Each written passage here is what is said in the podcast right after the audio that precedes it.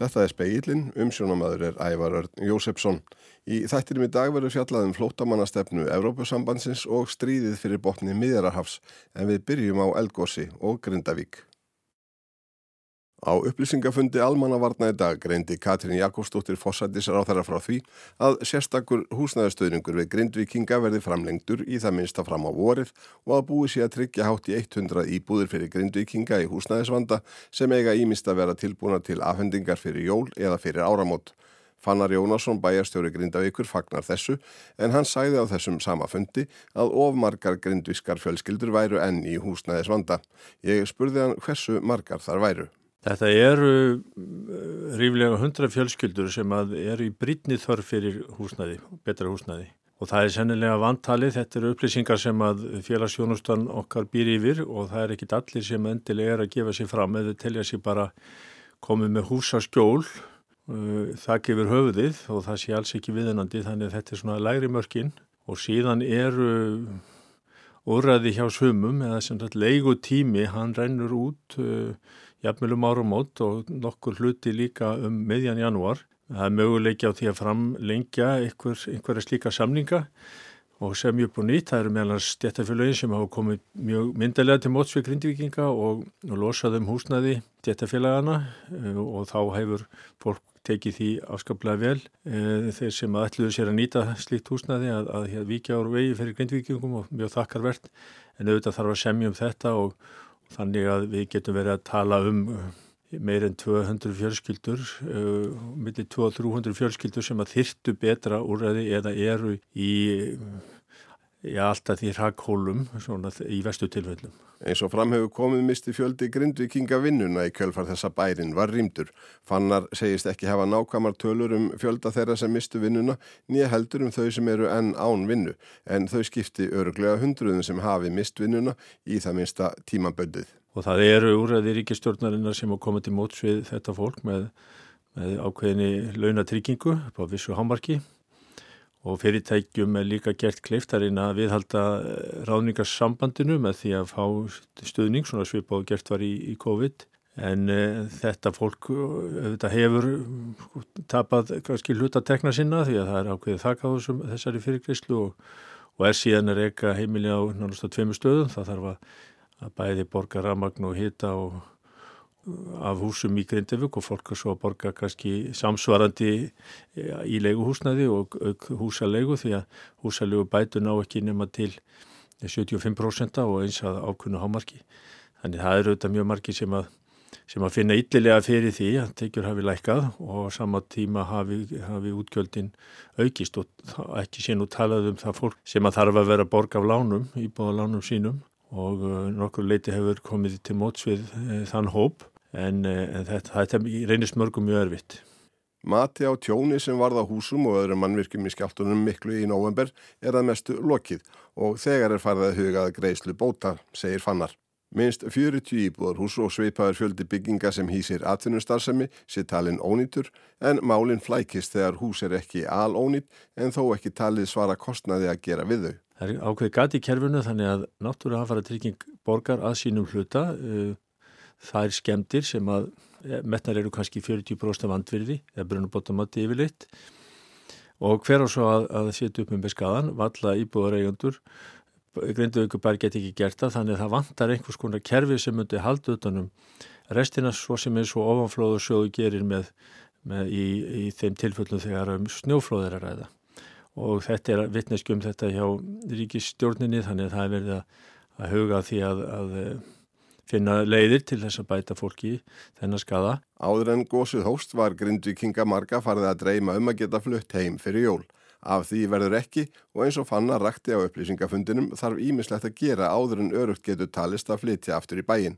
Mart er langt komið eins og að gera við veitu og gatnakerfi bæjarins, fylla í sprungur og holrum og gerða hættilegustu svæðin af. Það þarf að koma upp viðegandi og sínilegum hættumerkingum og tryggja öryggi allra sérilegi barna á leiksvæðum og opnum svæðum bæjarins og það þarf að bæta gatnakerfið og vegi út úr Grindavík og tryggja skilvirka vetrafþjónustu á þeim vegum allan sólarhingin svo hægt sé að rýma bæin í kvelli. Það var ansi lítill fyrirværi á þessu gósi og ekki er það langt frá Grindavík. Undirlikjandi sprungan tegið sér þar að ekki í gegnum bæin og út í sjó. Svo spurning klítur því að vakna hvort yfirleitt sé hægt að finna til öryggis, láta sér líða vel, sofa rótt í Grindavík eftir það sem áhefur gengið og vitandi það sem vitað er um eldvirknina og sprungukerfið þar siðra. Ég get alveg verið hreinskili með það að þessi stutti fyrirvari sem var á því, eða sá tími frá því að þessi öfluga jarðskjálta hrína fór í gang og þannig til fór að kjósa, hann var stittri heldur en uh, búist var við og stittri heldur eins og viðbrastími sem við höfum verið yfirlegt að vinna með hjá almanvörnum. Þannig að við íbúarnir erum auðvitað kannski órálegir yfir þessari stöðu og eh, ef eitthvað svipa kemur til með að endur taka sig að þá uh, hugsaum við með okkur uh, verður fyrirvæðin jafn skammur ef eitthvað slíkt gerist á nýja leik en við höfum líka gengið í gegnum í afskjáltar hinnur og við höfum áður fengið uh, eldgós í þrýgang og það þarf svo sem ekki að koma óvart að þessi staða sé óþægileg og og maður veldi fyrir sér eins og þú ert að spyrjum um, hvernig líður fólki eftir einhver tíma og það fer að skjálfa hjá okkur? Ég er ekki vissum að líðanir verði neitt eh, góð, hún hefur ekki alltaf verið góð en uh, þetta er allt mikið umhugsunarefni Þú sér fyrir þér að flytja aftur um dög? Já, já, ég gerir það og langt flesti muni gera það en það getur vel verið að, að sko, einhverju svona býði í annars áttekta hafandi bara tryggt sér húsnaði fram á vorið. Við höfum verið að vinna með það í, hjá Grindavíkubæ að horfa til vorsins en um, við um, þurfum náttúrulega bara að hugsa til þess að, að eða ég held að íbúotnir hugsi þannig við ætlum að halda í þá húsnaði það sem við erum núna, sjá aðeins til sérstaklega barnafólk, börnin eru komin í skóla, við ætlum ekki að rífa þau upp þaðan ríkistórnir er að bæta í úrraðin fram á vorið, við vinnum með þessa tímalínu En vonandi bara getur við stitt tíman en það er ekki gott að hafa hann ofstuttan fyrirfram og þurfa svo einhvern veginn sífælt að vera bæta í og það mun taka tíma að við séum komin í venjulegt ástand í Grindavík en smá saman tekst þetta og vonandi sem fyrst. Sæði Fannar Jónasson.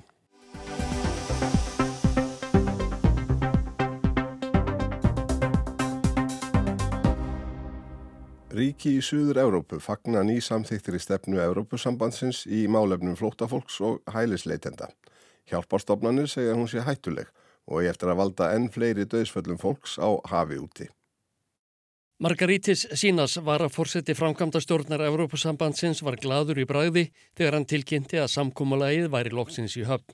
Hann rifjaði upp að fyrstu tillegur um nýjan sáttmála hefðu verið lagðar fram í september fyrir dremur árum Aðeins tólf dögum eftir að kveikt var í Mória flótamannabúðunum á eiginni Lesbos þar sem yfir 12.000 hælisleitendur byggu. Eftir marga á langa fundi sagðan að endahnúturinn hefði loksins verið nýttur. This is a proud testament to the fact that Europe can deliver solutions on issues that matter to the many. Þetta er tilkomum mikill vittnisspurður um að Evrópa getur leist úr málum sem skipta máli fyrir svo marga, saði sínas og bætti við að dagurum væri sögulegur fyrir þá sög að málið væri loksins í höfn.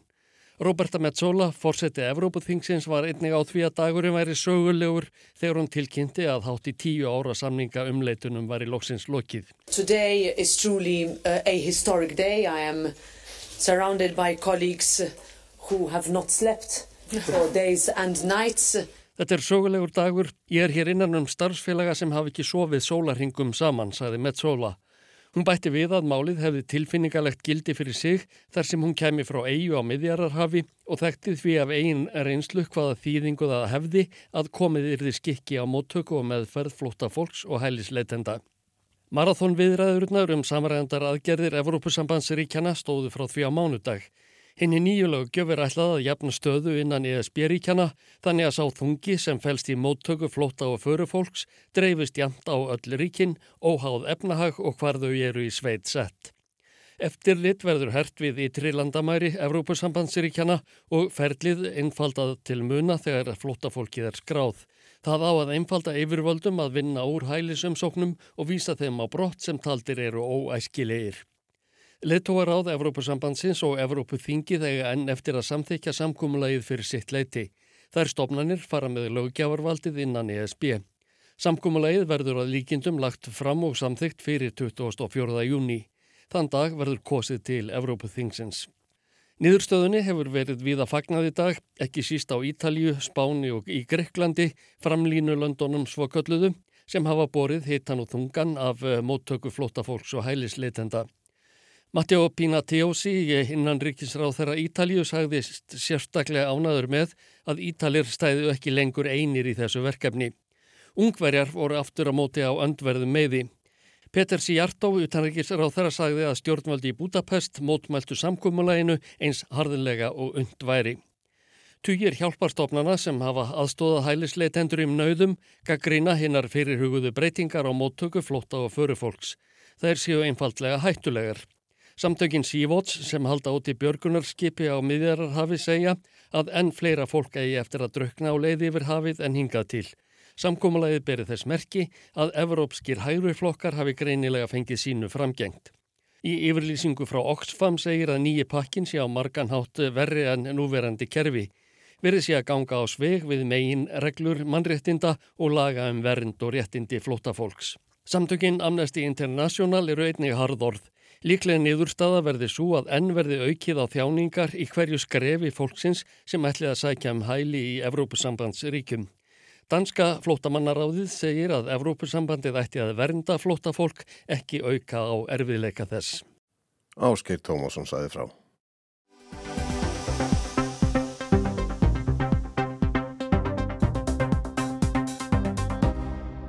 Á meðan týjir og hundruð óbreyttra borgar að falla dag hvern í árásum Ísraels hersa á Gaza halda menn áfram að þrátta um það í höfustöðum saminuðu þjóðuna í New York hvernig nákvæmlega skuli orða álíktun öryggisásins um að nöðsynlegt sé að stöðva blóðs úthellingarnar og atkvaða greiðslu um þá álíktun þar að leðandi frestað æ ofan í æ. Yfirstandandi strís átök Ísraels hess og Hamas hófust með grimdarlegri hriðiverka árás þeirra síðanemdu á Ísrael þann 7. oktober, þar sem þeir myrtu hátt á 900 almennra borgara og um meða yfir 300 ísraelska her og lauruglumenn. Ísraelar brúðust við af mikilli hörku og hefur Ísraels herr drepið um með yfir 20.000 gasabúa síðan og breytta borgarað miklu meiri hluta þar á meðal þúsundir barna. Jón Ormur Haldorsson, doktor í alþjóðastjórnmálum, segir í grein sem byrtist í heimildin á dögunum að þessi árás Hamas og viðbröð Ísraels og stuðningur bandaríkjana við þau hafi markað ákveðin þáttaskil. Ég baða hann að útskýra hvað í þeim fælst. Það hefur verið stefnað Ísraelsmanna í ára tíum allra ríkistjóðna í Ísrael að reyna einangra palestínumáluð sem allra mest einangra palestínumenn sjálfa á sífælt minna og minna landsvæði, skikum sem er sundur slitnir og einangra málið sjálft frá alþjóðamálum. Þó að tegið sér inn í alþjóðamál út um allt og sér til fyrir mönnum og sér til vandraða mjög víða. Þá er þetta verið stefnan. Spurningin er svo hins vegar af hverju þetta hefur gengið upp, sérstaklega akkvært Arapaþjóðum. Og ég veit að margir förðað sig á því að það hefur ekki verið meiri stöðningu frá ríkjum Araba við, við palestinumenn og síðustu árum heldur en að raunberi vitni. Sérstaklega þá horfum menn kannski til þess að það er opinn landamærastöð frá Gaza yfir til Egiptalands sem er lokuð, nærið því hafn oft og landamærastöðun yfir Ísrael og ástæðna fyrir því er kannski dálítið floknur en það eru þó í styrstum álið þannig að um, Hamas samtökjun, að þau eru sýstur samtök Íslamska bræðarlagsins sem fór með völd í Egiptalandi fyrir tíu árum síðan með stuttan tíma, eitt eða tvö ár og stjórn þess var eh, steifta stóli af núerendi einræðisara Egiptalands, eh, Sisi og herinn í Egiptalandi sem fer með stjórnuna þar lítur á Íslamska bræðralæði það sem eftir er af því og öll þeirra sýstur samtök í Egiptalandi og annar staðar sem sinn helsta ofinn. Þannig að síðasta sem að teljað geti verið Egipti með hag er þessi opið inn á milli Gaza það sem Hamas liður mjög margir og eru með margir, margir með sterk tengst til Egyptalands og síðan Egypta sjálfra. Þannig að þeir hafa jafn mikið eins og Ísraelsmenn reynda einangra Gaza ströndina. Þetta er eina ástæðan, önnur ef við lítum í kring eh, eru svolítið söpar kannski einhver leiti. Í, í Líbanon til dæmis eru 100.000 palestinumanna sem að líkt og Gaza, íbúa Gaza strandarnar eru afkomendu fólk sem að ræktist frá Ísrael við stopnun Ísrael og þjóðurnisreinsunum Ísraelsmanna þar á eftir og eru í útlegð sem sagt eða búið flottamannabúðum í, í Líbanon og hafa verið þar auðvitað sífælt til vandraði í stjórnmálum og verið mjög eldfimt efnið þar alltaf í stjórnmálum og þetta fólk sumt hvert stiður þess bólað samtökin sem að og, og þeirra anstað Ísæl kemur, kemur til út af því og innrásum Ísælsmann í Líbanon til reyna að ná ráða niðurlugum þessara palestinmann sem þar er.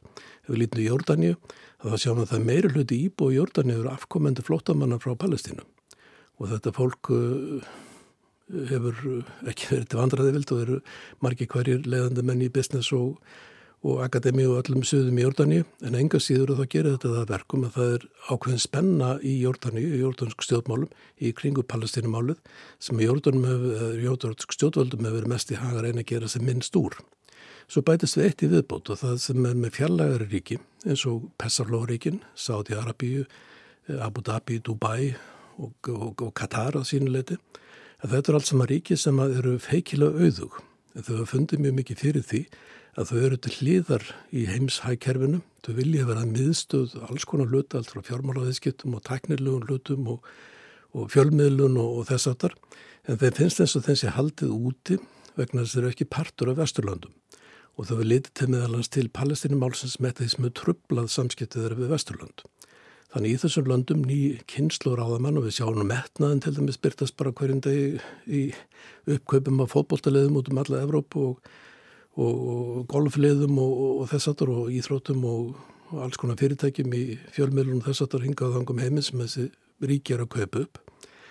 Að eh, nýkynslu og ráðamanna þar verðist að hafa ákveðið það að láta Palestínu eiga sig leifa Ísælsmennum bara að vinna og þetta leifa þeim að halda því áfram að einangra palestínumenn í sífælt smerri einingar sem hægt var að hafa einhvern veginn stjórn á og einbeita sér að því að verða efnahagsveldi í heiminum og með opið yfir til allra, allra landa. Í rauninni sem gerist í oktober ára á Hamas á Ísæl voru kannski örvendingaföll viðbröð Hamas liða við því að þeir væru endanlega einangrast og uh, reyndi að koma þá málunu á dagskrá aftur sem að tóst því miður eru stundu þannig að hryllilegustu ofbeldisverkur það sem að kemur þessi vegur fólk af söfni og það var aldrei og heimir var að fann að dotta yfir þessu langvarendu og erfiða palestinumáli þó að uh, þar séu allþjóðalög þverrbrotin á hverjum einasta degi ég vil þá dagast þið friður ríkir. Þannig að nú komast mér ekki upp með það lengur að, að láta eins og ekki sjó og verða að fara að taka afstöðu. Við sjáum að hverjum degi afleggingarna að þessu. Það var bara í fréttum núna því að ég var að kæri hengað upp í útvarp fréttir af árásum húta á skip sem er að stöða siglingur um Rauðahafið það er ekkit val. Það, það er ólga út um allt og það sem er að gerast í Arabalöndunum allt í kringum Ísæl er það að nýkynslu, ungd fólk í þessu löndum er helmingur íbúana og ofta tíðum er, er helmingur íbúana innan við 25 ára gamalt. Þetta er fólk sem hefur ekki hugsaðan um stjórnmál og bara alveg stöfið að palestinumáli sé eitthvað sem kemur stundum í fréttir og sé eitthvað óreittlæti einhversta langt í börtu. Þetta fólk er núna út á gödum Þetta fólk er núna að vakna til pólitískra vitundar sem verður ekkit svæfið.